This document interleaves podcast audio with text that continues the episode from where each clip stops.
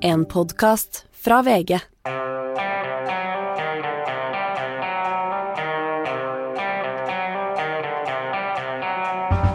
Ikke visste jeg at alle disse dagene som kom og gikk, de var eh, selve sommeren eh, 2023.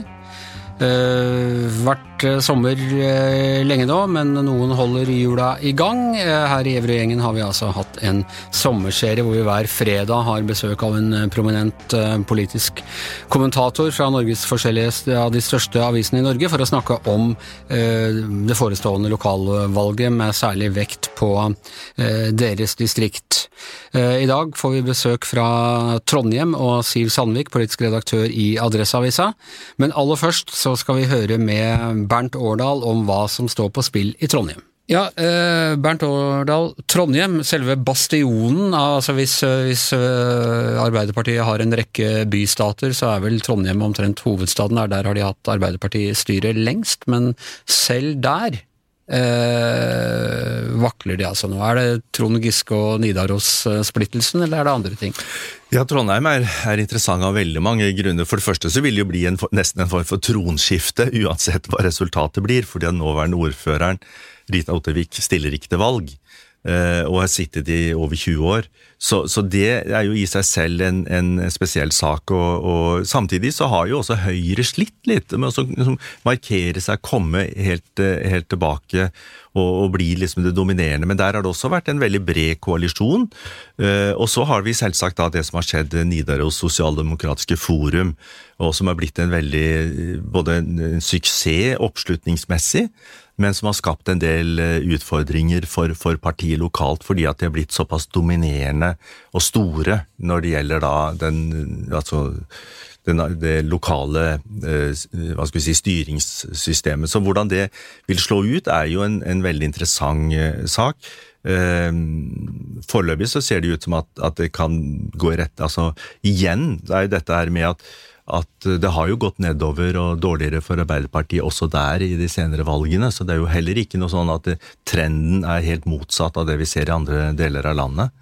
Så, så, så, De har jo en tradisjon for altså Ikke bare har de da altså Du snakker om tronskifte. De har jo hatt noen nesten kongelige ordførere. Marvin Wiseth og Rita Ottervik og sånne ting. Det er virkelig Hele landet kjenner dem. Ja, og det er jo også det interessante med lokalvalg. At du noen steder får sånne lokale størrelser som helt åpenbart får også oppslutning fra andre enn de som ellers stemmer på partiet. Det er en god del velgere som, som stemmer annerledes ved kommunevalg, fordi at en del personer personer. Og Det kan være at det er både dyktighet og, og gjenkjennelighet og troverdighet og tyngde. Eh, og personer spiller en veldig viktig rolle i, i lokalpolitikken. Men, men, det er klart at det å Altså, det gamle mønsteret at man hadde Arbeiderparti-ordfører som satt i 40, holdt jeg på å si 50 år, det skal nok eh, ganske mye til. Men, men det er imponerende, det som Trondheim er nærmest. Trondheim er nærmest, og Rita Ottervik har eh, gjort en, nesten satt en liten rekord som, som er veldig imponerende. Og med det så sier vi eh, velkommen til eh, ukas gjest, politisk redaktør Siv Sandvik fra Adresseavisa på lenke fra Trondheim. Hei, hei. Hei, hei. Du, eh, Siv, du er jo da et stykke ut i, i rekka av eh, politiske redaktører vi har snakka med denne sommeren. Og det er, eh, er, litt gøy å se på den situasjonen, eller ja, den politiske situasjonen du, eh, du råder over. Det er ganske annerledes fra, fra alle de andre store byene i i Norge. Ikke har dere en svær bompengegruppe i bystyret som har gått i oppløsning. Ikke er kommunesammenslåing vært et av de eh, heite temaene. Uromomentet i, i trondheimspolitikken har til, til, en viss grad vært, vært en, en rikssak, nemlig lokallaget Nidaros. Hva er det, hva er det for noe spesielt med, med Trondheim og omegn som gjør at vi ikke følge resten av landet på, på, de politiske trendene?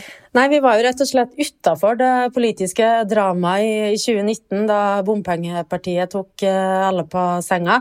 Og det var jo eh, fordi bompengen Fordi det ikke var så høy pris, rett og slett, i bomringen her. Og det var heller ingen eh, planer om å øke den dramatisk.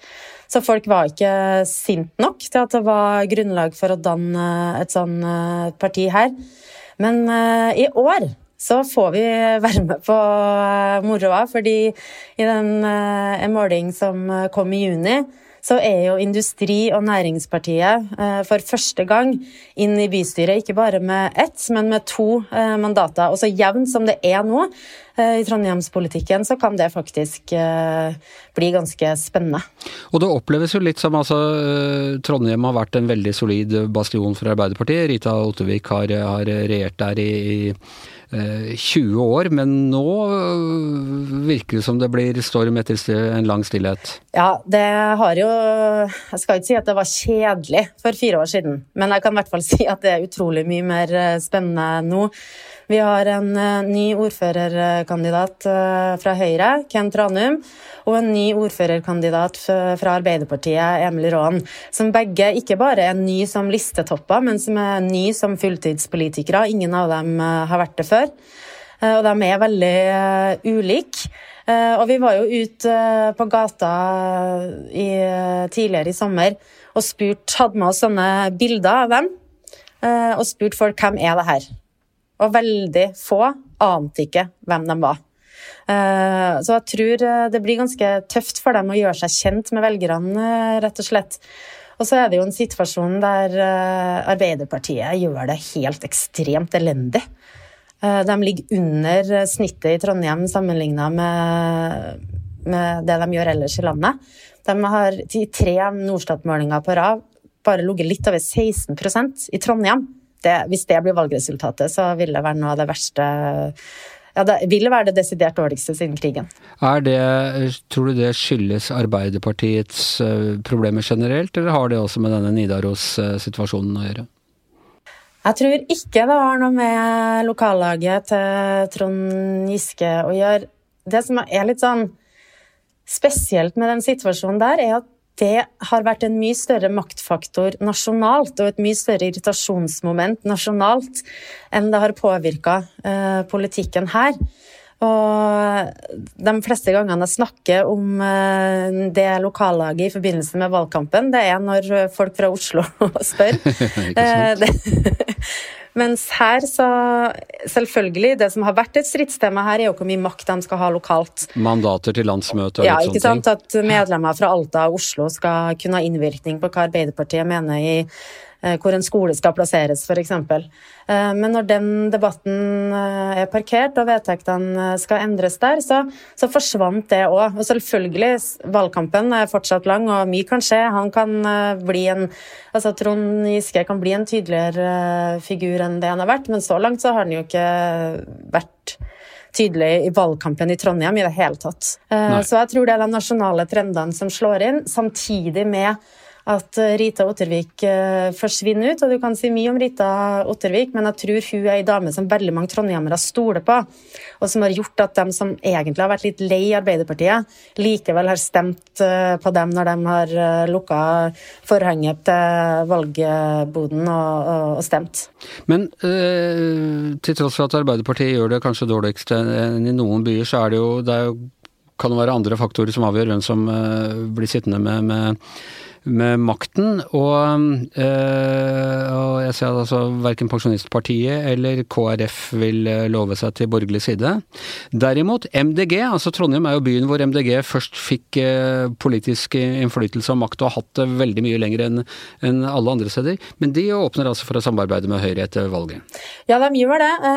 Og det tror jeg jo er ganske taktisk lurt av dem, for da må også Arbeiderpartiet gi noen ting uh, i en uh, forhandling.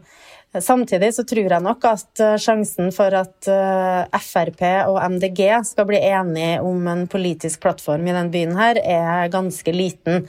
Og Høyre må jo ha med seg Frp, og at de to partiene skal bli enige, ja. Vi får nå, får nå se. I tillegg så er det jo sånn at sjansen er nok større for at Senterpartiet bytter side. Men de er jo kraftig redusert da, i Trondheim sammenligna med, med 2019-valget. Eh, men eh, litt rare med Trondheim, det er enten lange perioder med stabilitet, sånn type Marvin Wiseth, Rita Ottervik, eller så er det korte og intense perioder med veldig ustabilitet. Det har vært håndgemeng i, i bystyret i, i, Trondheim over ja, den berømte trikkesaken f.eks. Ja, og det var jo i 1979.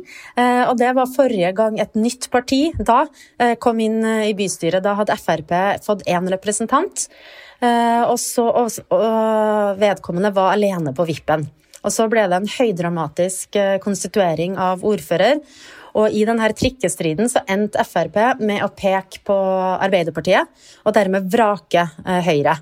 Og I forbindelse med dette eh, dramaet så rapporterte Adresseavisen fra rådhuset den gang at eh, en kommunalråd fra Høyre og en kommunalråd fra Arbeiderpartiet hadde stramma slipsknutene til hverandre. så får vi se da om eh, Industri- og Næringspartiet om de kommer på vippen den gangen her, om det ender med om slipsknutene lever trygt eller ikke. Og de vil altså ikke binde seg til noen blokk, og de har saker, noen saker som man kan si ligger på venstresiden av spekteret, og andre som ligger på høyresiden. Ja, eh, jeg skal jo være så ærlig at eh, jeg vet fortsatt ganske lite om hva Industri- og Næringspartiet egentlig vil i, i Trondheimspolitikken. Men de har blinka seg ut noen eh, hovedsaker, og da bl.a. skolemåltid i grunnskolen. Og der er de jo på linje med partiene til venstre. Samtidig så er de kategorisk imot eiendomsskatten. Der er de jo enige med Frp.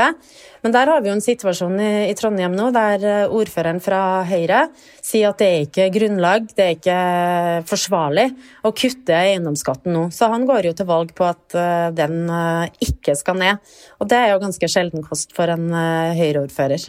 Nevne som vi har gjort på, på, alle de andre i denne serien, at altså disse opptakene er gjort i eh, juni. Ting kan ha forandret seg litt i løpet av sommeren. Og du, eh, du har jo en egen podkast som heter Omadressert, og der skal dere ha eh, møte med alle partilederne som, som stiller liste ved Ja, alle, som, alle listetoppene som sitter i et parti som er i bystyret i dag. Eh, så der eh, får alle Min kollega Roy Tommy Bråten har eh, grilla alle i en 20 minutters tid. Og det kommer vi til å kjøre som en podkast gjennom sommeren.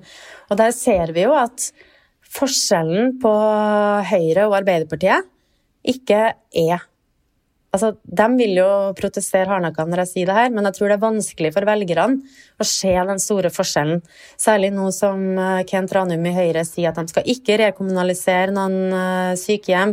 Heller ikke hvis et nytt sykehjem skal bygges, så skal det ut eh, på anbud. Privatisering er ikke løsninga, sier han, sjøl om han sant, sier jo at i hjemmesykepleien f.eks., der kan det være litt anbud og sånn, men ikke i de, de store velferdstjenestene. Og tilbake i, i 2003. Eh, da hadde jo eh, Arbeiderpartiet stilt med en ny ordførerkandidat i åtte valg på rad, eller noe sånt. Eh, da lyktes jo Arbeiderpartiet, og ikke minst resten av venstresida, det var jo SV som gjorde et brakvalg da, med å gjøre det til et ideologisk valg. Særlig med hjelp av denne Trondheimsmodellen og fagbevegelsen og LO, som gjorde det til et retningsvalg for byen, privatisering eller ikke. Um, og i år så ser det ikke ut til at uh, det blir det.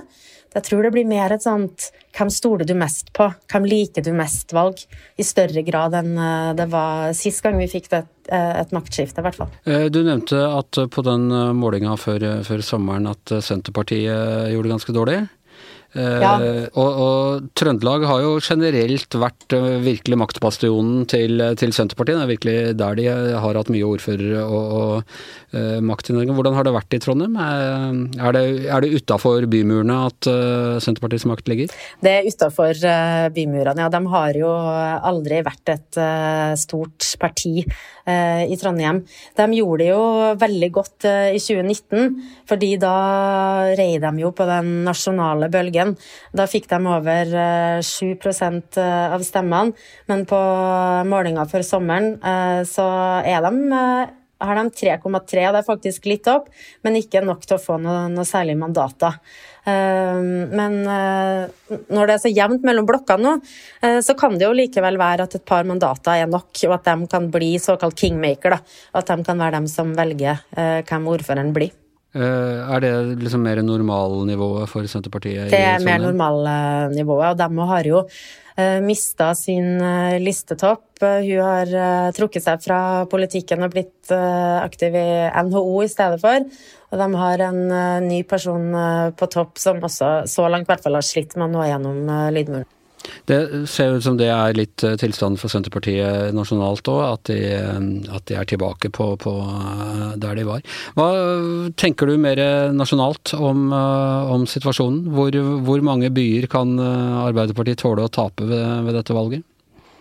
Jeg tror jo det blir en klassisk sånn kampen om storbyene-thriller eh, i høst nettopp i kommunevalg så er jo ikke hva partiene får i prosent nasjonalt så særlig interessant. Det er jo hvordan de eh, posisjonerer seg eh, i byene, og hvordan, eh, hvor mange ordførere de får. Og det å ha ordføreren i de store byene er jo viktig for et regjeringsparti. Og det gjør dem jo også sterke rusta til stortingsvalgkampen eh, to år senere. Så jeg tror det blir en, en thriller. Det er jo jevnt mange eh, plasser. Eh, selv om f.eks. i Bergen, så, så, vidt jeg har skjønt det, så er det jo mindre jevnt, og også mindre jevnt i Stavanger. Men Oslo og Trondheim, det blir, det blir veldig spennende. Ja. Uh, og Arbeiderpartiets uh, problemer, uh, hvor, hvor, store kan de bli før du tror det får konsekvenser for den nåværende ledelsen? Nei, jeg tror jo at uh, den fredninga som vi har sett uh, av Jonas Gahr Støre i Arbeiderpartiet, den uh, lever nok farlig dersom de gjør et dårlig kommunevalg og i tillegg mister makta i mange viktige byer for dem. Vi så jo i forbindelse med um, landsmøtet til Arbeiderpartiet og det dramaet som i hvert fall ikke var på landsmøtet, men som var i ukene før, med, med krav om utskiftinger i ledelsen der var det jo ingen som eh, snakka høyt om at Jonas Gahr Støre burde byttes ut, og det hang jo selvfølgelig sammen med at de ikke har noe, noe klart og samlende alternativ.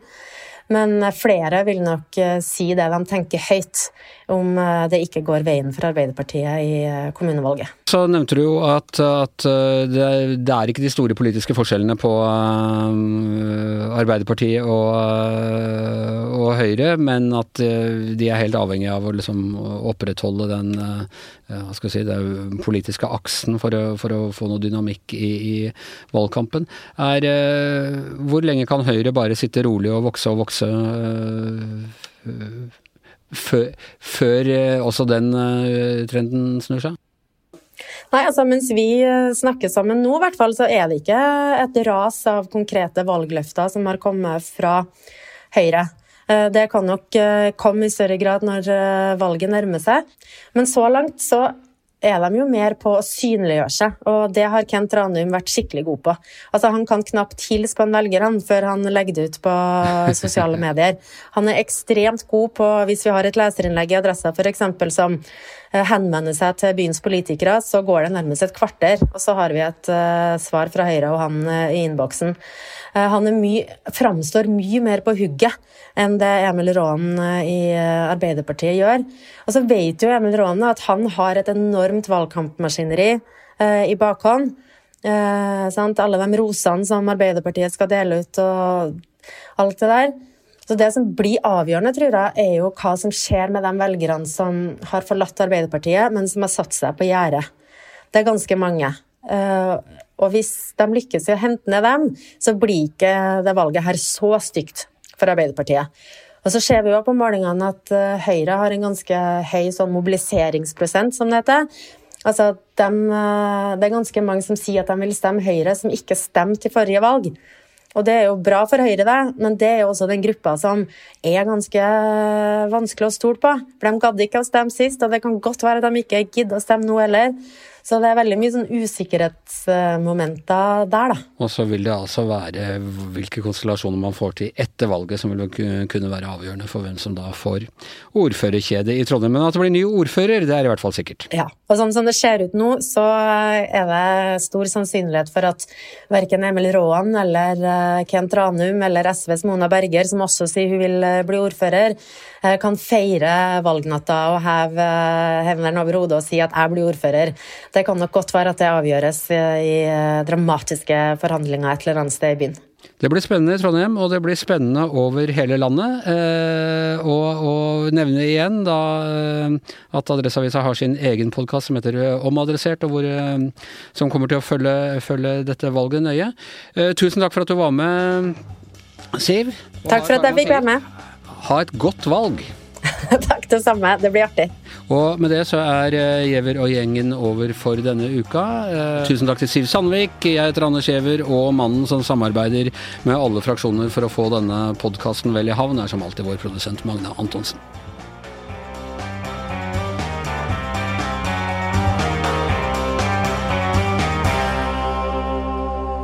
Du har hørt en podkast fra VG. Ansvarlig redaktør, Gard Steiro.